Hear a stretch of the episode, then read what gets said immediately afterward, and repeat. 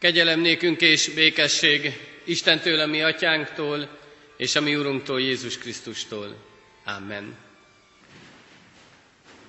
A mi segítségünk és együttlétünk megáldása és megszentelése jöjjön az Úrtól, aki bölcsen teremtett, fenntart és igazgat mindeneket. Amen. Hajtsuk meg a fejünket, és imádságban forduljunk a mi Urunkhoz. Urunk, úgy szeretnénk minden alkalommal eléd jönni, hogy tudjuk magunkról bűnösök vagyunk, érdemtelenek minden jóra, amelyet Te adsz nekünk, sőt érdemtelenek egyáltalán arra is, hogy megszólíts bennünket. Add, hogy hálás legyen a szívünk, hogy Te mindezek ellenére mégis szereteteddel fordulsz hozzánk. Bocsáss meg, ha mi ezt nem értékeljük, ha inkább eldobjuk magunktól ezt a szeretetet, és minden más foglalkoztat bennünket, minden mással akarunk foglalkozni, csak veled nem. Urunk, azért vagyunk most itt, hogy leboruljunk előtted, és áldásodat kérjük az életünkre, mert tudjuk, hogy enélkül nem élet az élet. Tudjuk, hogy enélkül csak vegetálunk itt ebben a föld, ezen a földön. Tudjuk, hogy enélkül nyomorult vesztesek vagyunk. Ezért kérünk, hogy légy velünk életünk minden pillanatában, és add, hogy ezt észre is vegyük, és értékeljük. Így légy most is itt közöttünk, nyisd meg a mi fülünket, szívünket igét befogadására. Addurunk, hogy rád tudjunk figyelni, neked tudjuk szentelni ezt az időt most itt a te házadba, nem mással foglalkozzunk, nem másra figyeljünk, hanem egyedül csak rád. Kérünk téged, légy velünk és légy most itt közöttünk. Amen. Kedves testvérek, Isten igéjét a Zsoltárok könyvéből olvasom, a 130. Zsoltárnak mind a nyolc versét. A 130. Zsoltár nyolc verséből Isten igéje így szólít meg bennünket zarándokének. A mélységből kiáltok hozzád, Uram, Uram, halld meg szavamat, füled legyen figyelmes, könyörgő szavamra. Ha a bűnöket számon tartod, Uram, Uram, kimaradhat meg akkor. De nálad van a bocsánat, ezért félnek téged. Várom az Urat, várja a lelkem, és bízom ígéretében. Lelkem várja az Urat, jobban, mint az őrök a reggelt, mint az őrök a reggelt. Bízzál Izrael az Úrban, mert az Úrnál van a kegyelem, és gazdag ő meg tud váltani. Meg is váltja Izraelt minden bűnéből. Kedves testvérek, hadd olvassam újra a Zsoltár első részét, az első négy verset. A mélységből kiáltok hozzád, Uram, Uram, halld meg szavamat, füled legyen figyelmes, könyörgő szavamra. Ha a bűnöket számon tartod, Uram, Uram, kimaradhat meg akkor, de nálad van a bocsánat, ezért félnek téged. Amen.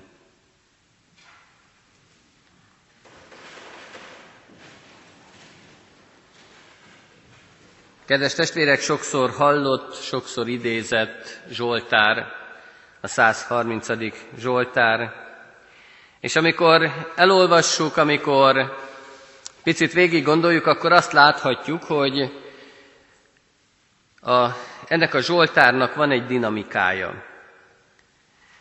Ugyanígy az Isten és az ember történetének is van egy dinamikája. Van egy olyan érdekes mozgás ebben a történetben, minden olyan Istent kereső, vagy Istenben hívő ember ismeri ezt a mozgást, ezt a dinamikát, amely a mélységből és a magasságból áll.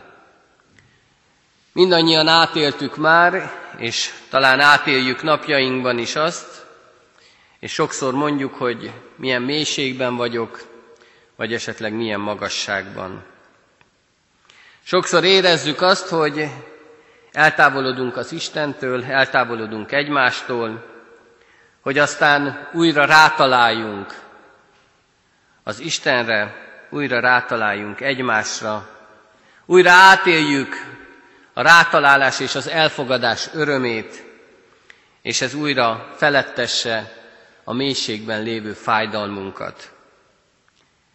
Hát ez a dinamika jellemzi ezt a Zsoltárt is. Ez a Zsoltár imádságként olvasható, imádságként elmondható, sokszor idézzük. És amikor elolvassuk, amikor végig gondoljuk ezt a Zsoltárt, akkor ez a részlet, ezek az igeversek nagy-nagy áhítatra indítanak bennünket. Mert igen, benne van ebben a Zsoltárban a mi személyes életünknek a mélysége is. Benne van az a bűntudat, amely reméljük minél többször ott van az életünkben, mert tudjuk, hogy bűnösök vagyunk. És benne van az a megbocsátás is, amelyet Isten ad nekünk. Benne van az a vágy, hogy Isten kegyelme a miénk legyen. Vajon merünk-e és tudunk-e őszinte érzésekkel és őszinte szavakkal odafordulni az Istenhez? Vajon tudunk-e úgy beszélni, tudjuk-e úgy elmondani a bennünk lévő dolgokat, ahogyan ez a Zsoltáros tette? Vajon akarjuk-e annyira az Isten figyelmét lekötni, magunk felé fordítani, hogy szinte könyörgünk azért, hogy figyeljen ránk. Hogy könyörgünk azért, hogy csak ránk figyeljen. Hallgassa meg, amit mondunk neki. A Zsoltáros azzal kezdi ezt a Zsoltárt, hogy a mélységből kiáltok hozzád, Uram. Kedves testvérek, Feltehetjük a kérdést magunknak, és őszinte választ kell rá keressünk, hogy vajon ki az, aki keresni fogja az Istent. Ki az, aki oda tud fordulni az Istenhez, aki kiáltani tud hozzá. Aki, ki, ki az, aki oda tud fordulni, és oda akar fordulni ahhoz az Istenhez, aki ebbe a mélységbe jött utánunk, mert annyira szeret bennünket. Ki az, aki meg fogja látni Istennek azokat az ajándékait, amelyet adott nekünk, amelyek nem hatalmasak, nem ragyogó és nem dicsőséges ajándékok, hanem egyszerű ajándékok, talán nagyon sokszor elrejtett ajándékok, és olyan ajándékok, amelyek megjárták a mélységet. Ki fog megnyílni az ilyen Isten előtt? Akire nagyon sokan azt mondják, hogy ő is ott van a mélységben. Az az ember fog megnyílni előtte, és az az ember fog tudni kiáltani hozzá, aki megjárja az élet mindennapi mélységeit. Aki belemerül a halál és a kárhozat mélységeibe. Aki hiszi, hogy csak Isten tudja őt ebből a mélységből kiszabadítani aki belátja azt, hogy az életének a gazdagsága ott van, ahol Isten munkálkodik. Aki meglátja azt, hogy mindenhol máshol, ahol Isten nincs ott az életébe, ott csak a kopottas szegénység látszik. Kedves testvérek, csak azt tud az Úrhoz kiáltani, aki mélységben van, aki ebből a mélységből, az ilyen mélységből kiált hozzá. Mert a mélység az számunkra mindig a kétségbeesés, a kontrollvesztés, egy olyan helyzetet jelent, amely reménytelen, ahol nem látjuk a kiutat. Akkor vagyunk igazán mélyen, amikor nem a mi elvárásaink szerint alakulnak a dolgok. Legyen az akár szerelmi csalódás a fiatalok, akár idősebbek életében, legyen az akár anyagi ellehetetlenedés, amikor úgy érezzük, hogy nincs kiút az anyagi helyzetünkben, elvesztünk, eladósodtunk, de lehet egy elkeseredett helyzet, akár erkölcsi, akár politikai, akár gazdasági helyzetből fakadjon is ez. Amikor ezt a mélységet járjuk meg, amikor ebben a mélységben tapasztaljuk meg a valóságot, akkor leszünk képesek kiáltani az Istenhez. A kérdés azonban az, hogy vajon mikor lesz elég mély számunkra az a mélység. Mikor lesz számunkra elég mély ahhoz, hogy meg tudjunk nyílni az Isten előtt? Mikor lesz elég mély ahhoz, hogy ki tudjuk nyitni a szánkat és tudjunk kiáltani? Ha a függőségben lévő emberekre gondolunk, akkor azt láthatjuk, és azt gondolom nagyon sokan meg is tapasztaltuk már ezt közülünk, hogy akkor lehet rajtuk csak segíteni, ha ők maguk kérik ezt a segítséget. Addig, amíg én elmondom neki, hogy milyen nehéz helyzetben van, milyen mélységben van, milyen problémákkal küzd, nagyon szép és nagyon jó, de segíteni csak akkor tudok rajta, ha ő kéri. Ha ő is rájön, hogy milyen mélységben van. Akkor, amikor ő maga fogja úgy ítélni, hogy igen, most már mélyen vagyok, hogy most már tarthatatlan és elhordozhatatlan ez a helyzet, hogy csak akkor lesz változás az életemben, ha megszabadulok mindattól, ami eddig fogva tartott. Kedves testvérek, akkor tudunk a mélységből kiáltani, ha rájövünk mi is arra, hogy vagy megszabadulunk Isten által, vagy belehalunk abba, hogy itt vagyunk a mélységben. Akkor fogunk tudni szabadulásért kiáltani. Hiába látják mások ezt, hiába mondják nekünk mások, akkor is csak a saját tapasztalatunk alapján tudunk szabadulni, amikor mi érezzük ezt. Itt a Zsoltáros nem arról beszél, hogy milyen nehézségeink vannak és milyen mélységeink vannak a mindennapi életben. Nem arról beszél, hogy kit mi húz le, gazdasági helyzet, valamilyen erkölcsi helyzet, vagy valami más, ami mélységbe taszítja őt. A Zsoltáros nem ilyen mélységből kiált az Úrhoz, hanem ő a bűn mélységéből. Ő azt látja meg az életében, hogy azért van mélyen, mert bűnös, mert bűn van az életében. És ez a felismerés ez nem csak azt ismeri, hogy miért nehéz és fájdalmas, miért rossz nekem személyesen, mi az, ami engem beletaszít a bűn mélységébe, hanem azt is meglátja, hogy vajon miért tudnak engem nehezen elhordozni mások. Miért vagyok mások számára néha teher. Az, aki a mélységről csak úgy hajlandó tudni, hogy mások őt abba beletaszították, az könnyen találja magát az önsajnálatba. Könnyen találja azt a helyzetet, hogy semmi mással nem foglalkozik, csak önmagát sajnálgatja. Mert az nem tud igazán és valóságosan találkozni az Istennel. Nem tud valóságosan találkozni a megváltó Jézus Krisztussal. Kedves testvérek, addig, amíg másokat vádolunk, addig, amíg önmagunkat siratjuk, addig nem fogjuk meglátni, és nem fogjuk elismerni a felelősségünket. Nem fogjuk észrevenni a bűneinket. És ez nem valamiféle értékítélet, nem valami olyan ítélet a másik felett, amit egyik ember kimondhat. Sőt, még nem is csak egy olyan keresztény alázat, ami néha-néha megnyilvánul bennünk, hanem ez egy tapasztalat. Addig, amíg csak önmagamat sajnálom, addig nem fogok tudni kiáltani a mélységből.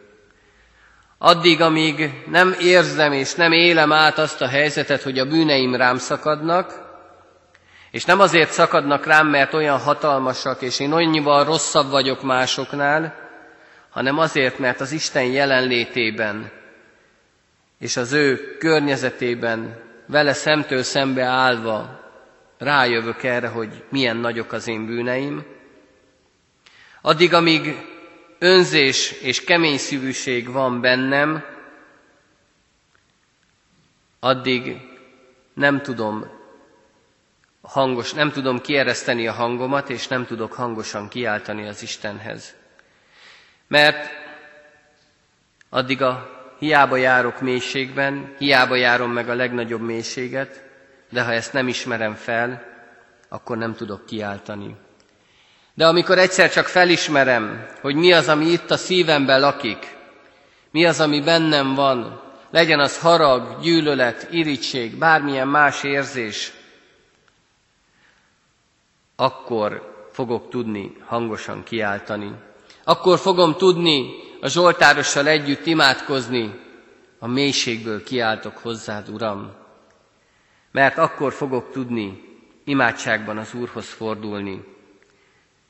És nem azért kiáltok, mert az Isten nem hallja meg akkor, ha csendben mondom el az imádságomat. A kiáltás itt mást jelent. A kiáltás egy kitárulkozás. Megmutatom mindazt, ami bennem van. A belső világám, világomnak a kitárulkozása ez. Egy hiteles imádság. Ahogyan a jelenések könyvében olvassuk, az egyik gyülekezetnek írt levélben, hogy ne legyünk sem hidegek, sem, vagy ne legyünk langyosak, hanem bárcsak lennénk hidegek vagy forrók. Ugyanígy az ilyen imádság sem langyos, nem egy általános imádság, nem azoknak szól, akik körülöttünk vannak, hogy ők hallják, hanem aki így kiált, az hitelesen kiált, az szenvedélyesen kiált. Az az ember, aki ilyen bajban van, aki meglátja élete mélységeit, az nem csak imádkozgat, és értsék jól a testvérek ezt, nem csak rutinból elmondja a mindennapi imádságait, nem csak úgy van vele, hogy lefekvés előtt még elmondom az imádságomat, hanem az ostromolja Istent a kiáltásaival, mert tudja, hogy ő a szabadító Isten. Ez az ilyen imádság, az ilyen kiáltás az, amikor megnyílok, amikor kész vagyok arra, hogy befogadjam őt, amikor felismerem, hogy egyedül csak ő tud segíteni.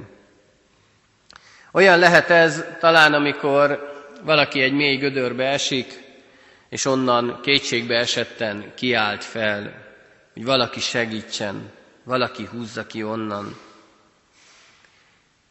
Ilyen kétségbe esettek a mélységből kiáltó ember imádságai. És történhet ez sokféleképpen.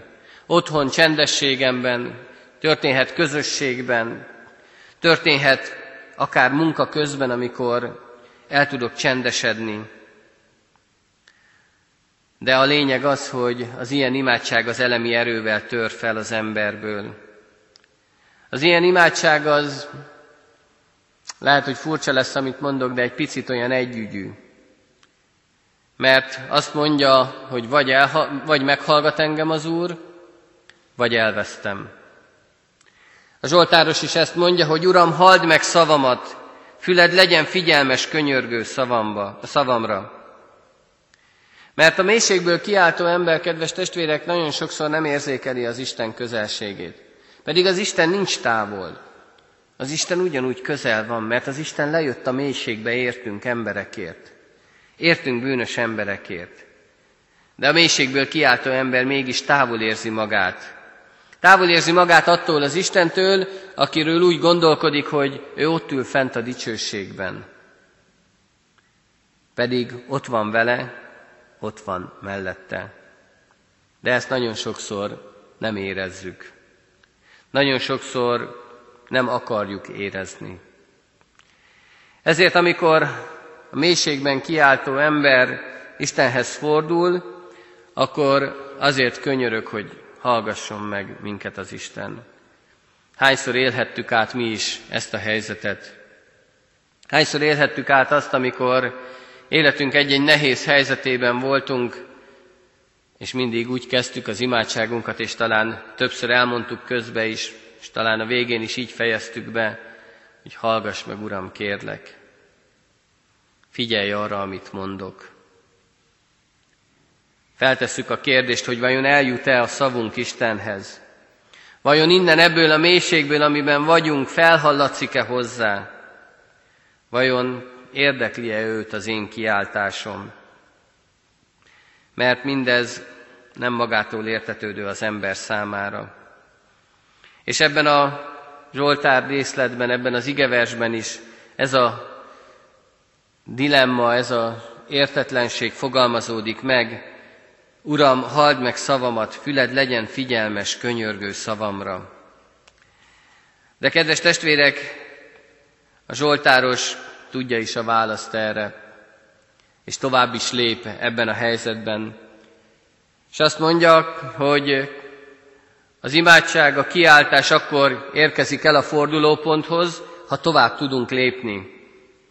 Ha a szemeimet önmagamról, a helyzetemről, mindarról, amiben vagyok, leveszem és felemelem, feltekintek az Istenre.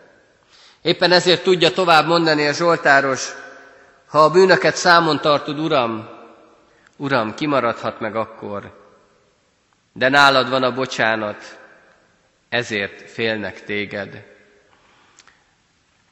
Egy örömhírt val meg itt a Zsoltáros. Azt az örömhírt, hogy az Úristen az megbocsátó Isten. És ez a tulajdonsága az Istennek túlmutat minden bűnön. Isten megbocsátó, Isten az, aki lehajol hozzánk a mélységben, mert annyira szeret bennünket. És ez az ő szeretete, ez nagyobb és erőteljesebb valóság, mint a mi bűneink. Sokkal erősebb. Ha az Isten számon tartana minden bűnünket, akkor semmi esélyünk nem lenne. Akkor elmondhatnánk, hogy nincs tovább. De ezt a számontartást legyőzi az ő szeretete, az ő megbocsátó szeretete.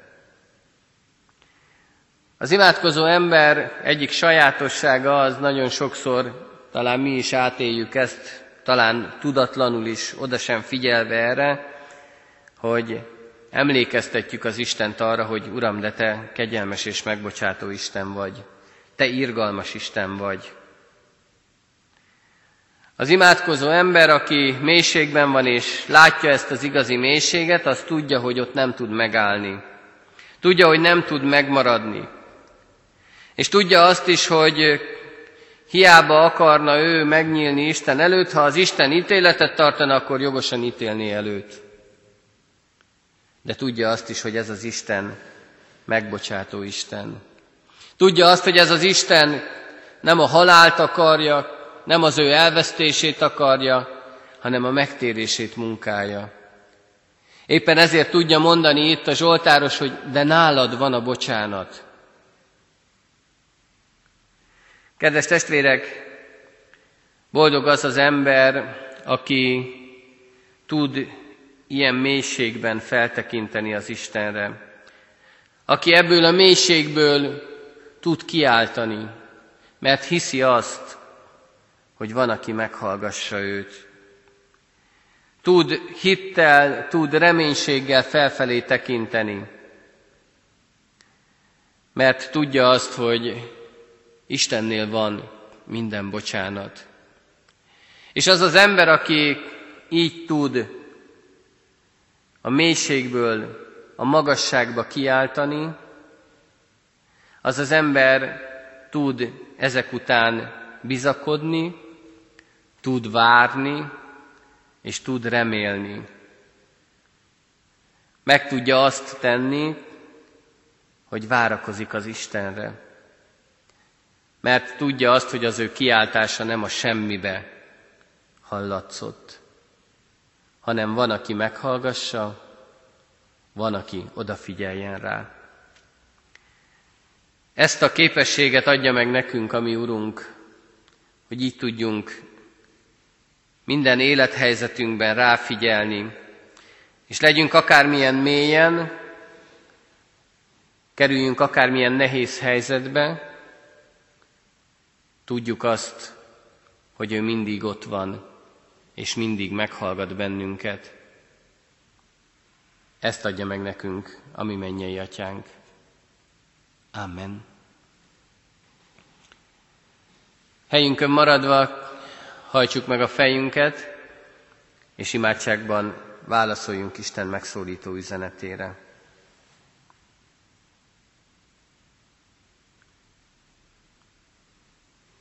Mindenható mennyei édesatyánk, áldunk és magasztalunk azért, hogy igét tanítása most is világosan és érthetően tudtunkra adja azt, hogy egyedül csak nálad van bocsánat minden bűnünkre, de nálad van bocsánat.